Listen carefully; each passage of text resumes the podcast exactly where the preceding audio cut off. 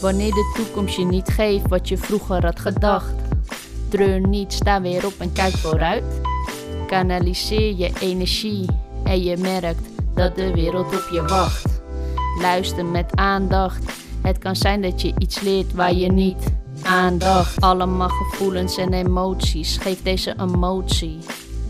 Van wantrouwen, vertrouwen is het fundament om op te bouwen. Eigenwijs, vastberaden, koppig en soms boos. Wat is er los? Het leven geeft je kansen, maar dit is niet waarvoor ik koos. De stories die je hier zal horen, gaan je inspireren. Deze gasten hebben geen visus nodig om jou iets te leren. Door tasten, door te tasten waar je passie ligt. Positiviteit is waar ik mij op richt. Dus pak wat lekkers en ga ervoor zitten. Want de Blind Vertrouwen podcast gaat nu beginnen. Welkom bij Blind Vertrouwen podcast. Uh, dit is een podcast waar uh, wij in gesprek gaan met um, mensen die ondanks een visuele beperking uh, zichzelf in de licht hebben weten te zetten. Maar we gaan ook in gesprek met mensen die blind vertrouwen toevertrouwd hebben gekregen. En vandaag stellen wij ons voor, want ehm, ik doe dit natuurlijk niet alleen. En ik wil aan jullie voorstellen ehm, mijn sterke rechterhand, um, die eigenlijk alles aan elkaar gaat knippen, alles monteert en alle samples maakt en alles uh, uploadt. Er zijn mensen die haar al kennen. Als je blind en slechtziend bent, dan zal je haar waarschijnlijk kennen uh, voor haar adviezen van alle Apple-materiaal. Ze heeft in een documentaire serie gezeten met um, Nienke Plas. En ze rapt. Uh, ze heeft videofilmpjes gemaakt. Um, en als ze tijd over heeft, dan uh, speelt ze met haar neefje. Um, nou, laat ik er niet omheen draaien. Uh, welkom, Charissa. Ja, dankjewel, Robert. Leuk dat je aangeschoven bent aan mijn digitale keukentafel. Ja, ja. Uh, voor de mensen die jou niet kennen, uh, wil jij jezelf uh, voorstellen om daarmee te beginnen? Ja, zeker. ik vond je intro trouwens heel leuk. Dankjewel. ik heb er echt flink op geoefend. In een notendop, ja. ja. nee, ik ben dus Charissa, 25 jaar. Um, ik woon in Horen. Het oh zo prachtige Horen. Um, ik... Um, ben sinds mijn vijftiende uh, zeer slechtziend. Voor die mm -hmm. tijd uh, heb ik gewoon 100% uh, gezien. Ja. En um, ja, dus ik ben nu ongeveer tien en een half jaar, ietsje meer, ga ik door het leven als zeer slechtziende. En hoeveel procent zie je nu? Oeh, dat vind ik altijd wel lastig om dat zo in procenten uit te drukken. Um, ja ik zeg altijd maar uh, voor het gemak 1%. Ja. Um, maar ja, dat is ook niet echt. Uh, ik denk niet dat je dat echt kunt vergelijken. Ja. Um, ja, mijn zicht is zeg maar zo dat ik in het midden van mijn gezichtsveld een blinde vlek heb. Um, ja, als dat 1% is, als dat uit de meting komt, geloof ik dat graag. Want daar kan ik helemaal niks mee, met die blinde vlek. Mm -hmm. uh, en met mijn ja, zijkanten, ofwel het perifere gezichtsveld noemen ze dat ook wel, daar uh, kijk ik mee. Ja. Dus ik uh, kijk altijd langs iedereen heen. Je hebt dus nou, de eerste 15 jaar gewoon dus goed kunnen zien. wil je vertellen hoe het eigenlijk zover heeft geko is, is gekomen eigenlijk? Ja, dat uh, begon zo rond mijn dertiende, veertiende, zoiets. Mm -hmm. um, ik had toen uh, een hele lange tijd uh, last van hevige hoofdpijn. En ehm, ja, niet de gebruikelijke hoofdpijn die je wel eens hebt, weet je wel, een drukkend gevoel. Maar dit was gewoon echt als een, ja, een hele strakke band die om mijn hoofd werd gespannen en steeds strakker werd gespannen, zo'n gevoel. En um, ik ben daarvoor ook een paar keer naar de huisarts geweest, want ik dacht, ja, dit is denk ik niet echt helemaal de bedoeling. Ehm, ik bleef er ook voor thuis van school. Want als het zeg maar ochtends al eh, opkwam, ja, dan kon ik me niet eens meer concentreren door die pijn. Maar de eh, huisarts die wimpelde het eigenlijk, voor mijn gevoel, wimpelde eh, mij af met, ehm, ja, het hoort bij de puberteit en het gaat vanzelf wel weer over. Dus ja, dan denk je, oké. Ehm, ja, ik denk dat ik zeker wel een stuk of drie of vier keer met mijn moeder ben geweest. Ja. En eh, bij de Dus laatste, iedere keer, iedere keer werd je naar huis gestuurd. ja, Oké. En waar, is, eh, waar was dat punt waar, waar, tot je dacht, dit kan echt niet meer? nou, ik denk dat dat punt eerder bij mijn moeder lag op dat moment. Mhm. Uh, omdat ik dus ja, best wel vaak uh, thuis bleef van school. Um, had mijn moeder zoiets van, ja, dit kan niet zo lang, weet je. Dus toen zijn we nog een keer gegaan en mijn moeder zei toen van, dit is toch niet normaal, kan ze niet naar het ziekenhuis voor een foto of wat dan ook. In ieder geval iets om te kijken wat er met mijn hoofd aan de hand is. Ja. En uh, toen zei hij van, nou mevrouw, uh, als we iedereen uh, naar het ziekenhuis moeten sturen voor een foto, omdat hij hoofdpijn heeft, dat is onbegonnen werk. Wauw. Ja, maar ik was 14 en ja, misschien is de gemiddelde persoon die met die klachten komt een stuk ouder, dus dan denk je ook van, daar had hij ook wel uh, even een keertje langer over na kunnen denken van. Ja. Dus nou ja, wij weer naar huis en uh, de hoofdpijn uh, ging inderdaad ook wel vanzelf over. Uiteindelijk. Ja. Alleen uh, later in dat jaar, dat was 2009 geloof ik. Toen begon ik last te krijgen van mijn zicht. En dat ging okay. heel langzaam. En hoeveel jaar zijn we nu verder? Of hoeveel, hoe lang zijn we verder? Een jaar? Of is dat een half jaar? Een jaar tot anderhalf jaar. Echt de precieze data, dat, dat weet ik ook helemaal niet zeker meer. Dus je hebt een jaar lang, tot, tot anderhalf jaar lang, rondgelopen met hevige hoofdpijnen? Nee, ik denk dat dat um, een periode van ongeveer drie tot zes maanden is geweest. Mm. En het kan ook korter zijn hoor, maar wat ik al zeg, ja, sommige dingen dat vergeet je gewoon. Ja. Misschien ook omdat je het wil vergeten, maar um, ik weet wel dat in november van 2009 dat toen mijn zicht achteruit begon te gaan. Dat weet ik wel. Mm. Want het was en toen... wat was de volgende stap? Sorry? En dat was al de volgende stap. Dat was eerst hoofdpijn en Ja. dan uh, ging het zicht achteruit. Ja, en, ja, het begon gewoon met van die hele kleine lullige dingetjes, weet je. Dat je dan, uh, ja, in november is het 's ochtends al donker. Dus uh, fietsend naar school. En uh, op een gegeven moment schrok ik zo erg dat een tegenligger mij passeerde. Omdat het voor mij leek alsof die ineens uit het niks kwam. Mhm. Terwijl, ja, die had ik eigenlijk gewoon van een afstand al aan moeten zien komen fietsen. Maar ja, ik dacht, oh ja, het is vroeg. Ik uh, moet nog even wakker worden of zo. Ja. Nou ja, het begon met, met lijntjes in mijn schrift die ik niet meer begon te zien. Uh, je zag dat ik echt scheef ging schrijven. Uh, ondertiteling op de tv die dan een beetje uh, door elkaar heen ging. Dus ik dacht, nou, ik heb een bril nodig. Maar goed, je gaat tenminste niet gelijk aan de bel trekken. Want je denkt, nou, kijk nog even aan, weet je, misschien gaat het vanzelf weg. Plus op dat moment link, linkte ik het ook niet aan die hoofdpijn die ik eerder had. Mm. Dus um, op 2 januari 2010 ging ik met mijn moeder naar de opticien. Maar ja, die had het zo druk. Dat hij zei van, kom volgende week maar terug voor een uh, uitgebreidere test. Nou, wij ja, dat doen. werd je weer naar huis gestuurd. Ja, maar op dat moment hadden wij niet uh, het idee dat het ernstig was. Tenminste, ik dacht, ik heb een bril nodig. Maar ook wel ergens een onderbuikgevoel van iets klopt niet. Mm -hmm. Maar ik kon er niet zo goed een vinger op leggen van wat, ja, wat is het dan? Ja. En ja, hij had het druk, dus je kan moeilijk zeggen van, uh, stuur al die mensen nu naar huis en ga mij onderzoeken. Ja. Dus nou ja, die week daarna kwamen we terug op zaterdag. Nou had hij dus uh, wat testjes gedaan.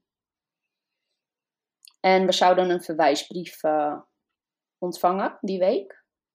Ja. Per post. Nou, hele week gewacht. Geen verwijsbrief. Dus uh, wij die week weer op een zaterdag. Dus inmiddels drie weken verder. Um, weer naar de opticien. Was hij dus vergeten te schrijven, die verwijsbrief. Oh. Of we even tien minuten de tijd hadden om te wachten, zodat hij het zou uitschrijven. Dus mijn moeder was toen best wel pissig. Die zegt natuurlijk wachten we tien minuten. Ja. Nou ja, uiteindelijk die verwijsbrief mee. Mijn moeder had die maandag uh, in de bus gedaan uh, bij de huisarts. Want het moest toen uh, nog via de huisarts. Um, nou ja, pas donderdag belde hij mijn moeder. Mm -hmm. Met de vraag, wat kan ik voor u betekenen? Dat mijn moeder zei, heeft u die brief niet gelezen? Nou ja, zodoende begon het balletje te rollen. En toen ging alles eigenlijk in stroomversnelling. Die verwijsbrief die kwam weer, eigenlijk weer bij de huisarts terecht, die in eerste instantie naar huis had gestuurd. Ja, klopt. En daarna hebben jullie een verwijsbrief gekregen om naar de oogarts te gaan. Ja, ja. En kan je ons vertellen, kan je ons meenemen in het verhaal vanaf dat moment? Ik werd toen gebeld dat ik uh, terecht kom bij de oogarts. En uh, nou, toen was ik daar samen met mijn moeder in het ziekenhuis. Uh, de oogarts die schrok zo van het testen. Dat ik gelijk door moest naar de kinderafdeling voor een MRI-scan.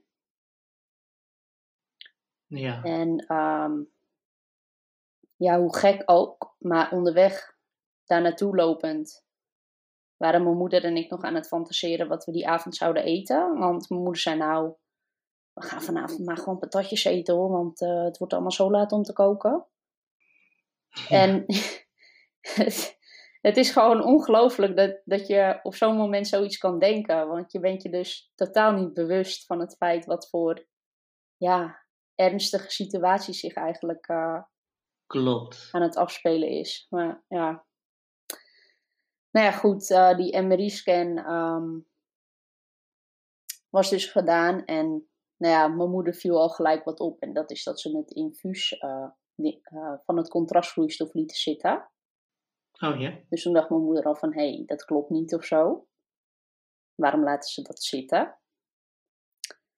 En want volgens mij was het dan om bloed af te nemen, weet je wel. Ja. Nou ja, en toen uh, lopend naar de wachtkamer uh, zei de zuster tegen mijn moeder van... Uh, ik denk dat het verstandig is om uw man om te bellen. Ja, en toen wist mijn moeder wel dat er iets goed mis was. Ja, heftig. Ja, dat was het moment dat er werd verteld dat ik een tumor in mijn hoofd had, ten grootte van een uh, kleine mandarijn. Zo, nou ja, een mandarijn in je hoofd, uh, dat is niet meer klein hoor. Nee. en um, die zat dus uh, op de hypofyse. ja. Weet je wat het is? nee. um, Nee, geeft niks. Volgens mij krijg je maar uh, tijdens biologie één les over de hypofyse. Dus ik snap dat je dat uh, niet Oh nee, ik heb gespijbeld die les. nou ja, goed. Um, de hypofyse is een, uh, ja, misschien wel een van de belangrijkste ja, organen in je, in je lichaam. Nou ja, organen, Ja. het is eigenlijk een, een klier volgens mij onder de hersenen die um, je hele hormoonhuishouding uh, reguleert. Ja, Ze noemen het ook wel de dirigent van, uh, van de hormoonhuishouding. dus die zorgt voor, laten we zeggen, stresshormoon, eh, eigenlijk alle, Hormonen, ja. eh, ja, eigenlijk, eh, En hij zorgt er niet voor, maar hij stuurt het aan. Oké. Dus ehm, op het moment dat jij veel stress ervaart, Eh, ja? zal die een seintje sturen naar jouw bijnieren om te zeggen: nu moet je meer cortisol gaan produceren. Oké. Dus het is eigenlijk een soort van verkeersregelaar. Ja, ja, zo, zo kan je het eh, ook eh, benoemen, Ja. ja. ja. en nou ja, dus ook de geslachtshormonen, groeihormoon, schildklier, de, eh, voor de vochthuishouding en het stresshormoon. Ja. Oké. En eh, toen? Nou ja, het bleek dus dat er eh kiestes ook aan de tumor vastzaten. En die gaven de druk op mijn oogzenuwen, waardoor ik dus last van mijn zicht begon te krijgen. Ja, dat zijn tumortjes van vocht. Ja, dat zijn, eh, ja, ik zeg altijd, het zijn eh, bellen gevuld met, eh, met vocht inderdaad. En nou, het was dus de bedoeling om die zo snel mogelijk lek te prikken om de druk van de ketel af te halen. Ja. Dus ik moest die avond gelijk naar het AMC. Dus meteen vanuit het ziekenhuis waar je was, gescand, je vader is gebeld en meteen door naar het AMC. Ja. En meteen onder het mes. Nee, ik ehm, moest, eh, even kijken. Volgens mij heb ik die hele avond slash nacht allerlei eh, testen ondergaan en scans en bloed afgenomen. En de volgende dag had ik dus een spoedoperatie om die eh, lek te prikken via mijn neus, ging dat? Au, ik voel het nu ook echt in mijn neus. ik kan niet tegen pijn, weet je dat? Nou, Oh, ik, ik heb laatst, ik heb laatst, zo'n, eh, ik heb een laatste coronatest moeten doen. En dan ging ze ook met een, eh, een eh, nou, ik weet niet wat het was, mijn neus in. En dat, dat prikkelende gevoel voel ik nu. ja, nou ja, het is eh, een soort Waarschijnlijk gelijk- tien keer zo erg. Ja, precies. Ze gaan er nog verder omhoog, laat ik het zo zeggen. Oh. Auw. Ja, ja, ja. Ja, dat is, eh, dat gun ik echt niemand. Oh jee, en toen? Eh, nou, verrassend genoeg was ik dus alleen bang voor de narcose. Oh, Ja, heel stom, maar ik had dus vlak daarvoor een film gezien. Eh, Awake. Eh, ja, gelukkig ken ik die niet, want nu word ik ook bang. want ik ben namelijk ook een aantal keer geopereerd. Ja, nou, het, het ging er dus ook. Ja, de precieze verhaallijn, eh, dat weet ik niet meer. Maar het ging er dus over dat iemand werd geopereerd. En ehm, hij was dus nog bij bewustzijn, maar zijn lichaam was wel eh, onder narcose. Hmm, Maar hij voelde dus ook gewoon alles en hij hoorde alles. En ja, nou, dat dus. dus ja, daar eh, was ik echt bang voor, maar dat eh, viel gelukkig eh, allemaal mee. Ja. En ehm, die operatie was ook goed gegaan. Ik kreeg daarna een drain in mijn hoofd om al het vocht af te voeren. Want ja, je kan je natuurlijk voorstellen als ze zoiets lek prikken. Ja, dat er dan veel vocht vrijkomt. ja. En om een waterhoofd te voorkomen. Ja, werd het werd vocht afgevoerd. Ja, precies. En ja, zes dagen later eh, werd ik eh, aan de tumor zelf eh, geopereerd.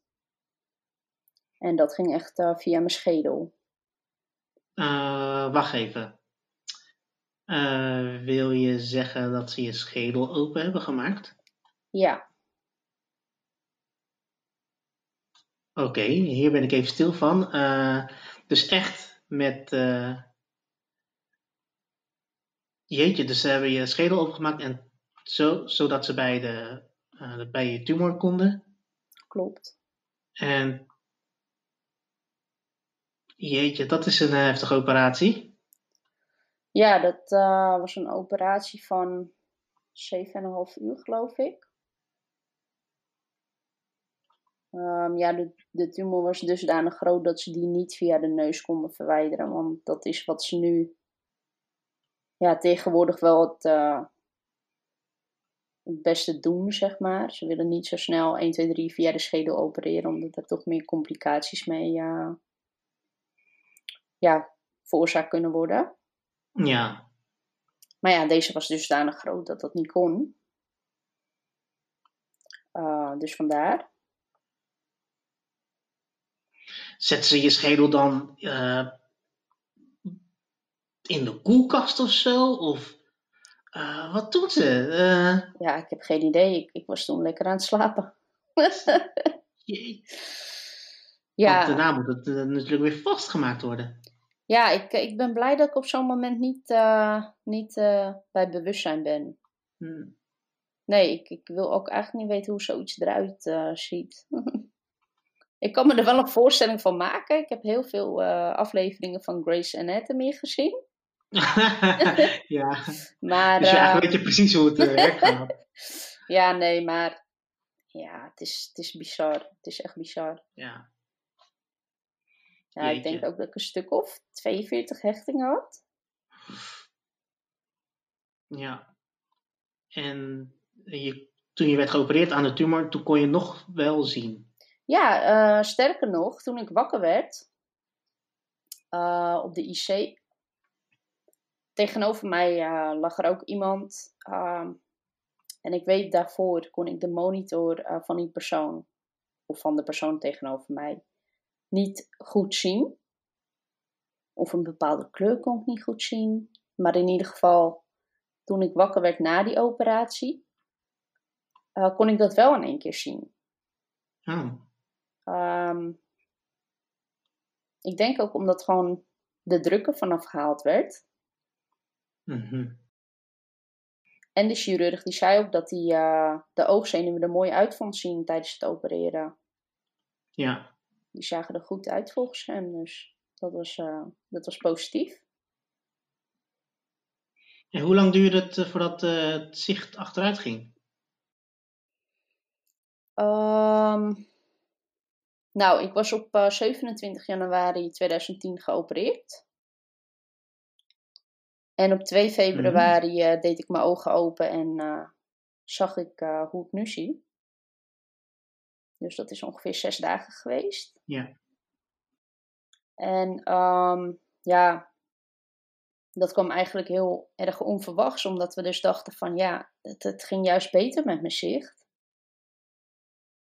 En... Ja, dus in zes dagen ben je 99% van je zicht verloren. Ja.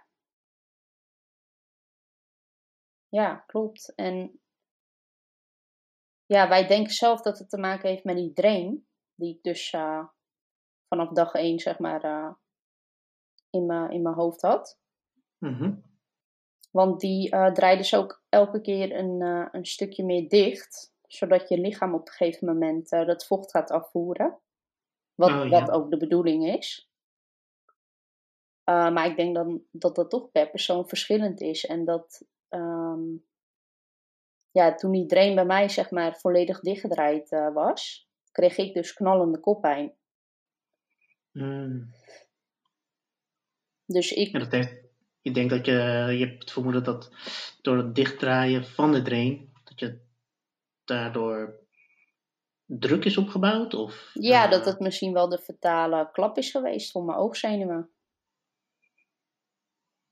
Ja. Dat, dat denk ik. Dat, ja. Die, Wat kijk, heftig. Die oogzenuwen die zijn al, ik weet niet voor hoeveel jaar, zaten ze al flink onder druk. Ja.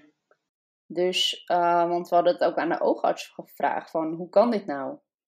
Ja, en die had er ook niet echt een antwoord op. En die zei van, ja, er hoeft maar dit te gebeuren. Maar ik had dat de hele tijd zoiets van, wat is dit dan? Ja. En ik denk dus dat dat dan toch uh, die drain was die dus, ja, dat er toch nog uh, vocht, uh, te veel vocht in mijn hoofd zat die de die laatste klap heeft gegeven. Jeetje. Je bent daarna gaan revalideren of ben je, wat is er daarna gebeurd? Ik, uh, 2 februari gebeurde dat dus en ik ben pas 19 februari ontslagen uit het ziekenhuis. Ja. Op 15 februari heb ik nog een kijkoperatie uh, gehad. Omdat uh, ik had in de tussentijd nog, ik weet niet hoeveel MRI-scans. En toen dachten ze dus dat ze daar wat op zagen. Nou ja, oké, dus uh, ik had zoiets van, doe maar, want straks is het wel iets wat verholpen ja. kan worden. Ja, ik kan best het idee hebben dat je het gevoel hebt van nu gewoon ja, go all the way, insta, ja. Inderdaad, en nou ja, dat bleek dus vals alarm te zijn. Het was een uh, vertekend beeld van, uh, van de plek waar de tumor zat, zeg maar. Het was een vochtophoping. Mm Dus uh, ja, dat was ja, eigenlijk voor niks. Nou ja, en toen kregen we al heel snel te maken met fysio. Ja, je bent ook naar Apeldoorn gegaan? Nee. Oké. Nee. Je hebt ervoor gekozen om thuis te revalideren? Ja, klopt. Ja. En hoe ging dat? Uh, nou, er moest thuis best wel veel worden aangepast. Mm uh, tenminste, sowieso de salontafel. Dat was een glazen tafel met echt, jongen, die hoeken. Mijn knieën hebben er zo vaak tegenaan gestoten. Daar heb je nu nog last van. Ja. dus die, uh, die moest snel weg. Dus gewoon een houten tafel, gewoon met uh, goed contrast. Dus je moeder had een excuus om een geheel nieuw interieur te kopen? Eigenlijk wel, ja. Ja. Ja. Ging je naar je eigen school of ging je naar een, eh, een, eh, een andere school? Of um, hoe is dat gegaan? Ik, uh, ik had de keuze. Ja? Uh, maar ik heb toch gekozen om naar het speciaal onderwijs te gaan ja. in, uh, in uh, Amsterdam. Omdat, ja, ik maakte de overweging omdat er zat al een slechtziend meisje bij mij op school. En die zag beter dan ik. Ja, ik dacht, als zij het al niet eens redt, want zij vond het dus ook te zwaar worden. En zij maakte toen ook de keuze om naar het speciaal onderwijs in Amsterdam te gaan. Toen dacht ik van, wie ben ik dan, weet je wel? Ja. Kijk, natuurlijk had ik het even goed kunnen proberen, want niet iedereen is hetzelfde. Maar zij deed nog best wel veel visueel. En ik zou eigenlijk alles uh, ja, via spraak doen, via de, via de laptop. Dus ja, ik dacht, ik, ik ga dan gewoon voor het speciaal onderwijs. Of ik Ja. nou blijf zitten en dus allerlei nieuwe mensen moet leren kennen op mijn oude school. Ja, of naar een nieuwe school gaan met nieuwe mensen. ja, het effect is hetzelfde. Ja. Alleen bij eh, het speciaal onderwijs word je niet gezien als speciaal kind of zo. Nee. Ja, wat ik denk ik toch wel zou hebben als ik op mijn oude school zou blijven. Je zou dan toch sneller zijn, oh kijk haar, weet je wel. Ja. Ja, als je op speciaal onderwijs had je toch wel meer het idee dat je bij lotgenoten zat. Ja, Mhm. Ja, jeetje, wat een heftig verhaal, joh. Maar ja, op een gegeven moment eh, ben je. Eerst ben je videofilmpjes gaan maken of en vloggen. En, dus je hebt toch echt wel een manier gevonden om je leven weer ja, inrichting te geven. En, en ondanks je visuele beperking toch nog videofilms maken. ja. Ja, klopt. Ik, eh, Kijk, tuurlijk, op een gegeven moment is het leven heel kloten. En denk je van, waarom ik? Ja, Ehm, en is het allemaal heel donker, weet je wel. Maar op een gegeven moment ga je toch wel kijken naar van, ja, maar wat kan ik wel? Want wil je altijd in, in die rol blijven zitten? Eh, nou ja, ik niet. En mijn nicht kwam toen op een gegeven moment van, eh, ik heb een iPhone. En ik had begrepen dat daar een functie op zit met spraak. mhm. Dus ik zei, oh, oké. Daar, daar had je tot die tijd nog nooit eh, iets eh, mee gedaan of van gehoord. Of, eh, Nee, ik was wel aan het oriënteren naar mobieltjes, maar allemaal van die Nokia dingen waar dan spraak op werd geïnstalleerd. Ja, daar had ik nooit echt een, een feeling bij of zo. Dat ik dacht, wauw, dat wil ik. Ja. En mijn moeder had wel zoiets van, als je naar die school in Amsterdam gaat, wil ik wel dat jij een mobieltje hebt waar jij gewoon volledig mee kan werken. En als er wat is, dat je mij kan bellen. Ja. Nou ja, dus op een dag ging ik dus met mijn nicht, gingen we er even voor zitten. En gingen we het helemaal even uitzoeken hoe dat nou werkt en hoe het type werkt en het navigeren. En ik dacht echt, wauw, dit werkt zo goed. Ja. Toen is de Apple-verslaving geboren. Ja. Ik weet niet meer welke dag het was, maar uh, ik had het eigenlijk moeten opschrijven. Ja, eigenlijk wel. Want uh, ja, jij bent wel tegenwoordig de vraagbaak van voice-over. Uh, ja. Bij heel veel mensen, hè? Ja, ik, ik, ik denk ook um, dat, dat ik dat ook vanuit mezelf ook graag wil doen, omdat dat iets is wat ik destijds heb gemist. Ja, want als ik ook berichten voorbij zie over. Nou ja, als het over de voice-over gaat, ik zie, nou, ik zie heel vaak jouw naam erin getagd. onder dezelfde bericht. Ja. Ja. Dus dat is, uh, nou ja, je hebt je dus dan echt wel behoorlijk verdiept in de materie van uh, voice-over. Ja, en weet je, ik weet ook niet op alles het antwoord. Maar als ik dan een, een vraag voorbij zie komen waarvan ik denk: hé, hey, maar dit moet toch op te lossen zijn. Mm -hmm. Dan ga ik gewoon op dat moment op onderzoek uit. Omdat ik het A, gewoon voor mezelf dan wil weten. Mocht het nog een keer ja. voorkomen dat iemand dat wil weten. En voor mezelf natuurlijk. En B, dat ik dan het antwoord heb voor die persoon. Ja. Ja, dat is eigenlijk nog niet alles wat je doet, hè? Want je maakt, uh, je hebt, uh, tegenwoordig zet je ook heel veel in voor toegankelijkheid van websites, ja. apps. Uh, nou, nu ben je bezig om met Videoland audiodescriptie erop te krijgen, of het toegankelijk te krijgen voor blinden en slechtzienden. Ja, dat moet, is, me dan, moet ik me dan voorstellen zoals het er nu aan toe gaat bij de audiodescriptie van Netflix? Uh, ja, maar uh, de audiodescriptie is wel stap 2. Ja. Um, stap 1 is om het in zijn um, ja, algeheel toegankelijk te krijgen voor blinden en slechtzienden. Dus met name ja, dat je er goed doorheen kan navigeren met voice-over. Dat is, uh, als, als dat gerealiseerd kan worden, is dat al ja, echt een grote stap vooruit. Ja. En ja, ik, ik wil ze niet gelijk overrompelen. Ja, en nog audiodescriptie erbij, weet je dan. Ja, ik weet niet hoe ze daar dan weer op gaan reageren.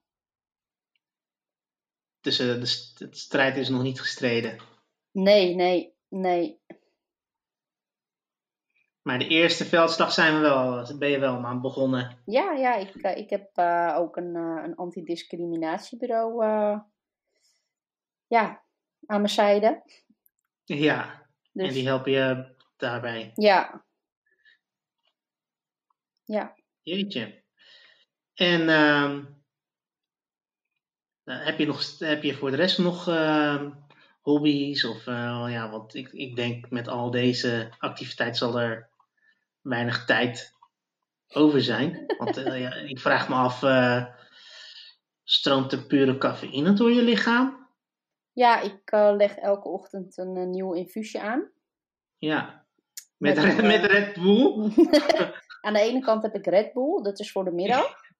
ja. En eh, s ochtends heb ik wel eh, ja, cafeïne, sterke koffie. Ja. Met extra Ja. cafeïne. Ja, ja. Gewoon een slangetje aan, het- een, Ups. een espresso-apparaat. direct je lichaam in. Nee, maar eh, ja, wat ik daarnaast nog leuk vind. Ik, ehm, nou, wat ik voor Blind Vertrouwen podcast doe, hè, dat vind ik ook heel leuk om te doen. Audio bewerken. Ehm, video's eh, bewerken. Ja, een intro opnemen met een rap. dat vind ik ook leuk om te doen. En daarnaast, eh, ja, heb ik ook nog meegedaan. Wat je zei, eh, met Onbeperkt met Nienke. ja, ik heb, een, ik heb wat afleveringen mogen bewonderen. Ja, met Nienke Plas inderdaad. Toen heb ik wel echt comedy uh, te pakken gekregen. De smaak te pakken gekregen. Ja, waarom heb je die passie losgelaten? Oh, dat doet pijn aan mijn comedy hart. Um, ja. Laat ik het zo zeggen. er stond een, een, een een datum gepland dat ik bij onbeperkt, uh, onbeperkt 070 ja, uh, ja. wat zou gaan doen. Dat was vorig jaar in juni. En drie keer raden wie daar toen heeft gestaan. Nou, drie keer raden waar ik toen was. in Jamaica. dus ja, ik heb het toen helaas af moeten zeggen, maar uh, ja, de reden, dat vond ik niet zo spijtig. Nee ja, en toen uh, heb ik uh, mijn grote vriend aanbevolen. Ja, nou ja, in plaats van dat het een comedy optreden werd, werd het eigenlijk een, een, keynote. In eerste instantie voor een half uur. Maar ik heb toen het podium gedeeld met iemand anders. Oké. En die heeft toen gezongen. Oké. Was dat het wel waard of had je zoiets van nou? Had mij die het was het hartstikke waard. Ik vond het. Ehm, ik vond het leuk om dit met haar te doen. Ik vond het ook een eer om dit met haar te doen. Het klonk fantastisch, want ze kan uh, heel erg goed zingen. Oké. En ja, voor haar was het natuurlijk ook wel ja, een ervaring. En voor het publiek was het uh, ja, ook echt geweldig. Ja. Ja, na de hand uh, zijn we eigenlijk allebei een beetje ja, overrompeld eigenlijk van de reacties ja. Dus ja, mijn, mijn dank daarvoor, want ja, ik heb uh, jouw podiumplek gekregen toen. ja, klopt. Ja, ja, dat, uh, het was of Jamaica of uh, onbeperkt 070, dus ja. Ja. Maar je hebt daarna nooit meer een comedy optreden gedaan? Mm, nee. Nee. Oh, dat doet pijn aan mijn comedyhart, zeg. Ik, ik heb toen de, de smaak van het reizen juist weer te pakken gekregen. ja. Ja. Ik, ik uh, ga een beetje van hot naar her. Dat is een beetje wat ik doe. Ja. Nou, je geniet er in ieder geval van. Ja, toch? Ja. Ja. Leuk. En voor nou, Blind Vertrouwen podcast uh, ga jij dus alles editen. Uh, alles in elkaar mixen. Yes. Uh, alle ideeën die in mijn hoofd opkomen, ja, dat uh, nou, produceer je eigenlijk. Ja, klopt. Ja, wat tof. Ja, ik vind het echt leuk. Ik vind het ook echt spannend. Ja, ja. Ik vind het ook echt, nou, echt superleuk. En ja, we hebben, ja, ja eigenlijk uh, het, het, het is eigenlijk van een A4'tje naar twee A4'tjes gaan, vier A4'tjes werden een stuk of acht. Nou, ik durf mijn... Gewoon exponentieel gegroeid.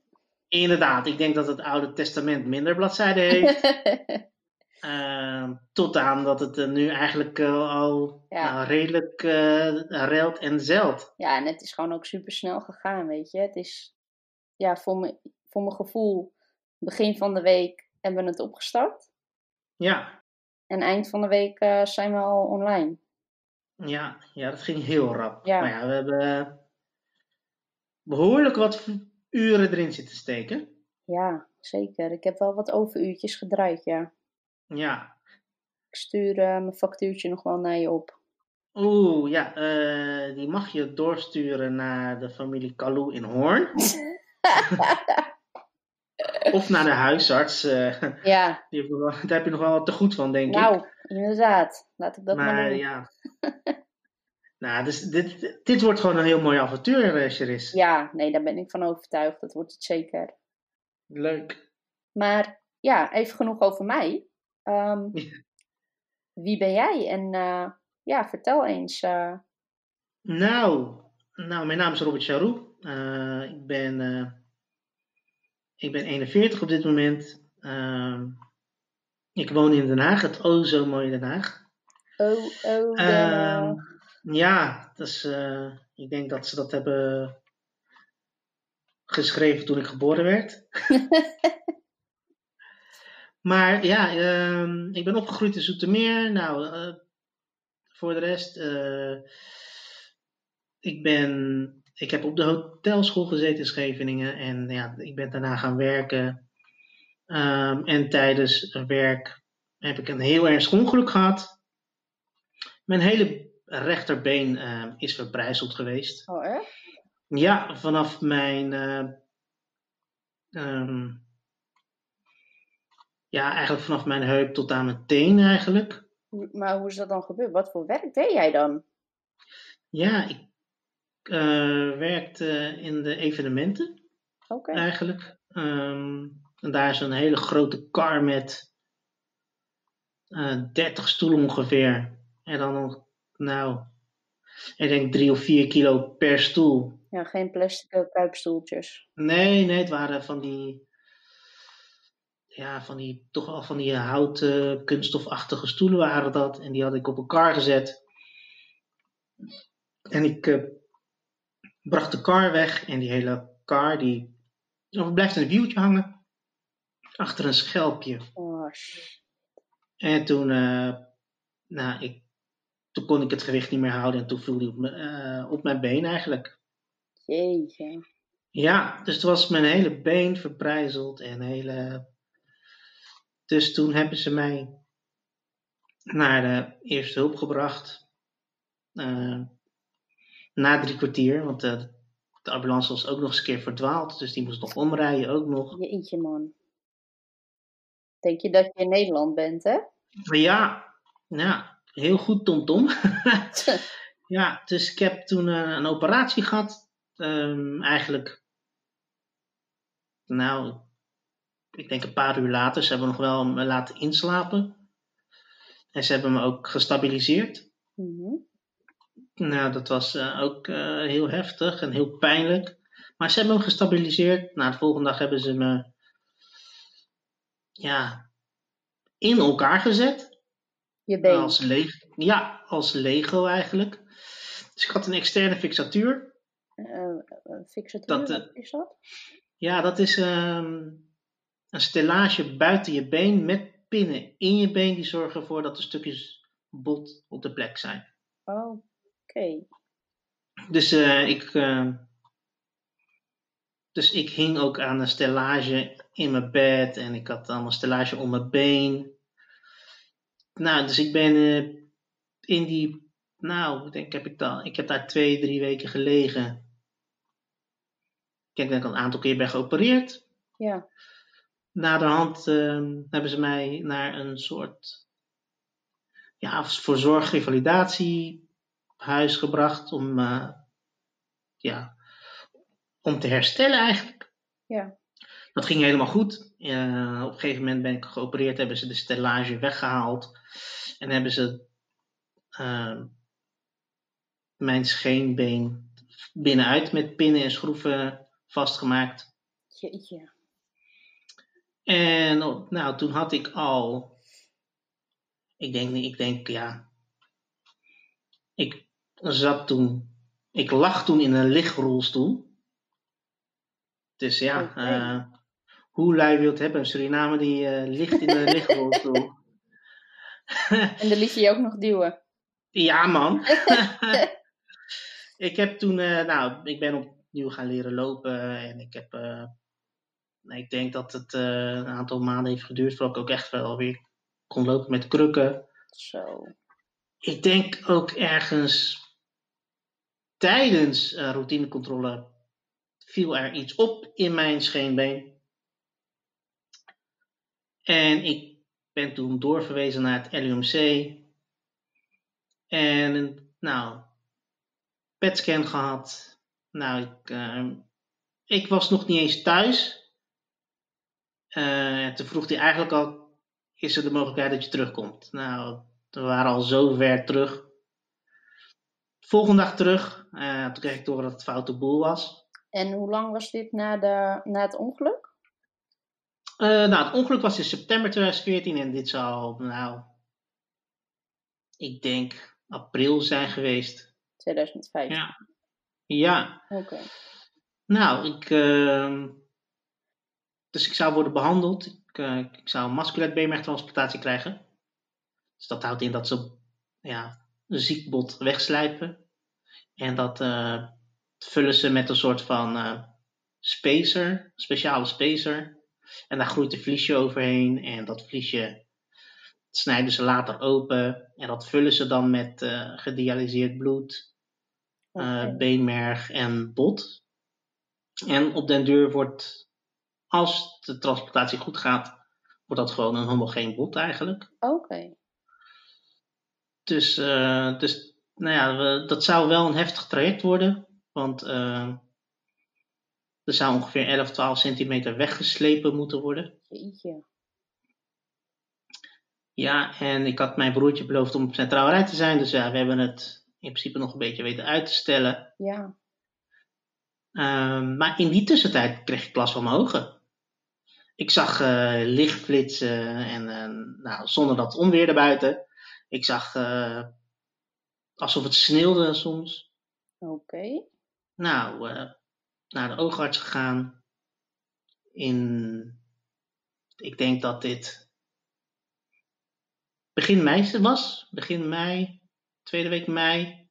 Want ik kan me nog herinneren dat ik eh eh, Schindler's List nog heb gekeken. Dus dat zal na ja, bevrijdingsdag geweest zijn, of doodherdenking. In 2015 nog, zeg maar? Of... Ja, en ehm, nou, toen hebben ze wel wat behandelingen er tegenaan gegooid, maar eigenlijk werd het steeds slechter. Tot in, ja, tot in juni. Mijn broertje ging trouwen in juni 2015, toen kon ik al niet meer alleen over straat. Serieus? Dus zo rap, ja, zo rap ging dat. Maar was dat dan verbonden aan je ongeluk? Of? Nou, daar zijn we eigenlijk nog niet eh, eh, over uit. Of, eh, nee, dat, dat durf ik niet te zeggen. Ik had kleine ja, tumortjes van een kwart, kwart op mijn netvlies. En iedere keer als dat wegging of weg verbrand of gelezerd werd, of, eh, kwam het eigenlijk terug, maar dan nog erger. Totdat op een gegeven moment eh, ja, eh, die aandoening gewoon mijn netvlies los heeft getrokken. Dus ze hebben, ja, één oog is gevuld met siliconen en één oog is gevuld met olie. Dus ik hoop dat, eh, ja, dat er in de toekomst iets van stamcel of gen, gentherapie mogelijk is. Maar, hoe Maar ik zie dus, eh, met siliconen en met, met olie? Wat moet ik me daarbij voorstellen? Nou, die zorgen dat de netvlies eh, onder druk op mijn oogbol gedrukt worden nog. Oké, ze zijn er dus niet voor goed. Nee. Oké. Dus ik zie eh 0%. Ik zie ook 0% licht. Het is eigenlijk gewoon nou, helemaal zwart. Ja. Ehm, dus dat was eh, nou, in, in april 2016 ging echt nou, het licht uit. Eigenlijk helemaal. Jeetje. Ja, dus terwijl ik werd behandeld ehm, ja, eh, voor mijn been, dus, eh, beenmergtransplantatie, dat heeft echt een aantal operaties geduurd. Ja. Nou, werd ik ondertussen ook nog geopereerd aan mijn ogen. Jeetje. We hebben het een keer in een week eh, voor elkaar gekregen om eh, vier keer geopereerd te worden. Vier keer in één week. Ja, twee keer aan mijn been en één keer aan mijn eh, linkeroog en daarna mijn rechteroog. Jeetje. Dus ik ging eh, ja, van operatietafel naar operatietafel. Goh. Dus ja, ik was, uiteindelijk ben ik ontslagen bij het LUMC. Ik denk, nou, inclusief herstel was ik klaar, ik denk eind mei. Want ik zou, eh, ik zou toen al meteen, vanuit mijn ziekenhuisbed, zou ik meteen doorgaan naar Apeldoorn. Ja. Ik was vijf eh, weken in Apeldoorn en mijn been wordt dik. Ehm, ik kreeg koorts. Nou ja, in het begin denk je er niet bij na. Ja. Totdat, er, ja, eh, totdat ik eh een fibrine-uitslag had bij de hechtingen van mijn operatiewond. Nou, dat betekent dat, de, dat het bloed eh, eiwit gaat scheiden. Oké. En toen wisten we eigenlijk dat het een hele foute boel was. Want Nou, je lichaam stoot er dan af of zo?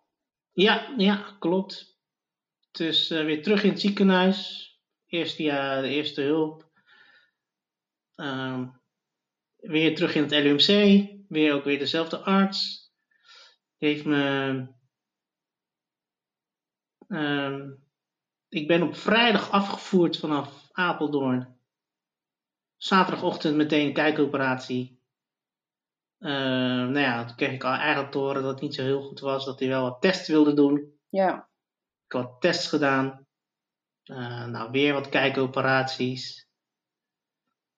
En ik denk dat ik in de eerste week van juli uh, ja, een soort van slecht weergesprek heb gehad.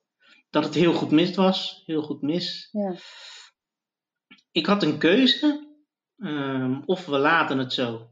En dan gaat mijn been vanzelf afbreken. En, maar dan weten we niet van welk punt.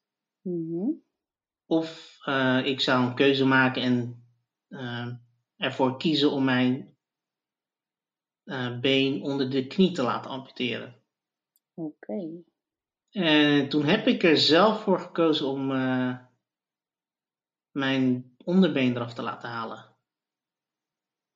Dus op 4 augustus 2016 is mijn onderbeen geamputeerd. En toen, uh, Zo.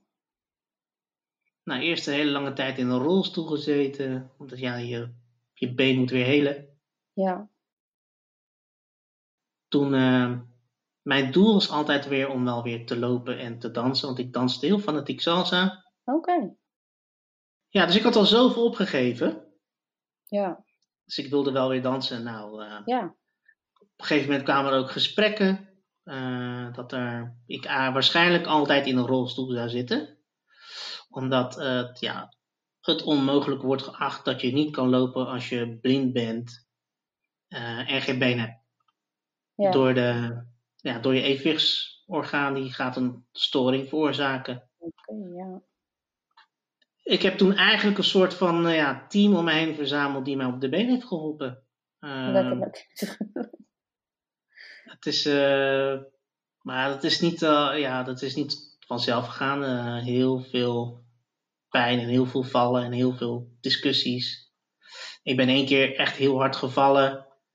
Toen werd mijn knie ook weer dik en ik was ook op mijn operatiewond gevallen. Ja, dat er zelfs gesprekken zijn geweest van meneer, wilt u stoppen met uw pogingen, want u gaat dit niet redden. En, Jeetje man. En op, ja, ook hij zei ook van, dat vergeet ik echt nooit meer. In een rolstoel kan je ook een mooi leven hebben. Werd ja, tegen mij gezegd. toch weg. Nou, toen had ik meteen sowieso let maar op. Over een paar maanden loop ik hier de deur uit. Ja, maar hoe Ja, dat- kan je dat iemand nou ja, verkopen, wil ik nou ook niet zeggen, maar Nee. Dus het is mij uiteindelijk gelukt. Nou, eh, toen ik eh, meteen door naar Apeldoorn, dus daar heb ik gerevalideerd. en dat was eh, revalideren voor je. Voor mijn zicht, ja. Ja. Dus, dus op maandag en op dinsdag zat ik, leerde ik lopen. En dinsdagavond reed ik meteen door van het revalidatiecentrum naar Apeldoorn. En daar was ik tot vrijdagavond. Zo, Ja, tot, eh, intensieve revalidatie dus. ja, tot eind 2017. En daarna heb ik eigenlijk geprobeerd mijn leven op te pakken. Dus ik ben wat comedy gaan doen. En ik eh, wist al dat ja, mensen geraakt werden door het verhaal. Ja, Ehm, dus ik ben eigenlijk mijn verhaal gaan verkopen. Eerst eigenlijk gewoon op vrijwillige basis. Gewoon ook als, ja, ehm, als training. En daarna heb ik daar comedy bij toegevoegd. ja, Totdat eigenlijk, eh, totdat eigenlijk Robert Charoux spreekt eh, uit de grond is gekomen. Nou, door corona ja, is eigenlijk eh, niks gebeurd. ligt het ook En- weer op zijn gat. ligt het ook weer op zijn gat. En toen kwam eigenlijk weer, weer het plan van de podcast weer naar boven, waar ik het al vaker met jou over had gehad. Klopt, ja, ja. En eh, ja, nu zijn we al, nou ja, nu zijn, nu zijn we echt aan een, eh, We zijn nu echt een team. ja, nu zijn we echt aan de geboorte van een nieuw, ja, eh, dingetje. Het is echt, eh, Nieuw project, ja. Ja, een nieuw project en het loopt aardig en het is hartstikke leuk. En ja, we hebben al heel veel gasten al weten te strikken. Dus dat is echt wel heel leuk. Yes, en we hebben er nog een heleboel op de lijst. Ja, dus, dus als iemand het telefoonnummer heeft van Stevie Wonder, eh, let us know. Want waar, waar, waar kunnen ze ons mailen? Ja, je kan mailen op eh blindvertrouwenpodcast.gmail.com. Mhm. Eh, dus daar kan je het nummer van Stevie Wonder naartoe mailen. Achterlaten? Ja, graag. Maar ja, als je natuurlijk vragen hebt of andere suggesties of nou ja, gewoon als je iets kwijt wilt aan ons, mag je dat altijd mailen naar blindvertrouwenpodcast.gmail.com. En nou, we hebben dus ook social media. Ja, Facebook en eh, Instagram ook te vinden onder de naam Blindvertrouwen Podcast. En eh, ja, ik zou zeggen, volg ons, abonneer en eh, blijf op de hoogte.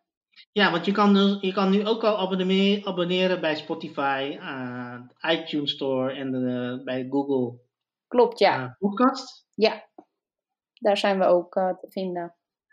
Gaan we al vertellen wie eh, onze eerste officiële gast is? We kunnen wel een tipje van de sluier geven. Hoe, hoe gaan we dat doen? Nou, laten we zeggen dat ze ehm, allereerst een, eh, ik zou zeggen, een, een ja, groot voorbeeld is voor velen. Qua Ja, doorzetting en nou, zeker een grote inspiratie. Caribisch bloed is ook wel een Caribisch hint. bloed, zeker. Ehm Eh, modieus. Modi- ja, ze voelt het goed in de heupen. Zeker, zeker. Ja. En nou, het, is gewoon, een- het is gewoon een hele lieve vrouw. Ja, laten we het eh, daarbij bij houden. hey, Cherise. Ja, Ehm, ik denk dat we eigenlijk al te veel hebben gezegd. Hè? Ik bedoel, ik denk al dat de mensen vermoeden eh, hebben. Ja, dat denk ik ook wel een beetje. hey, Cherise, heb jij nog eh, enkele laatste woorden voor onze luisteraars?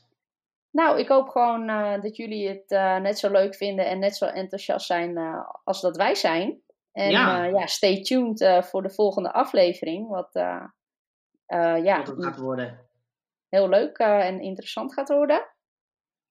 Nou, super tof. Laten we het hierbij houden, Charissa. Ja, dan wil ik jou bedanken, Robert. Nou, jij bedankt. Ja, tot, tot de volgende. Yes, tot de volgende. Dit is de voicemail van Charissa. Ik ben er nu even niet. Spreek je bericht in naar de piep en dan bel ik je zo snel mogelijk terug. Dankjewel. Hoi Charissa, leuk je gesproken te hebben. Wat heb jij een heftig verhaal? Dat de doktoren je niet geloofden, vind ik echt een schandaal. Met een tumor ben je gewoon naar huis gestuurd. Dat ding bleef groeien en dat heeft anderhalf jaar geduurd. Op een dag begon jij je visus te verliezen. Met als desastreus gevolg leef je nu zonder hypofyse. Maanden van revalidatie begon je met benutten van validaties. Muziek, Apple-advies en dan ook nog eens keer je gewone baan. Leef je op de Red Bull? Waar haal jij die energie vandaan? Toch vind je ergens tijd voor een andere uitdaging. Je doet duizend en één dingen, zorg dat niet voor energieverlaging. Fantastisch hoe jij in het leven staat. Heel bijzonder dat je dit podcastavontuur met mij aangaat. Leuk dat je aan de weg blijft timmeren als Bob de Bouwer. Kunnen wij het maken? Ja, ik heb alle vertrouwen.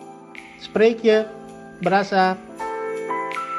Wil jij op de hoogte blijven van de nieuwste afleveringen van Blind Vertrouwen podcast? Abonneer je dan via je favoriete podcastkanalen. Ook zijn wij te vinden op social media onder de naam Blind Vertrouwen podcast. Bedankt voor het luisteren en tot de volgende aflevering.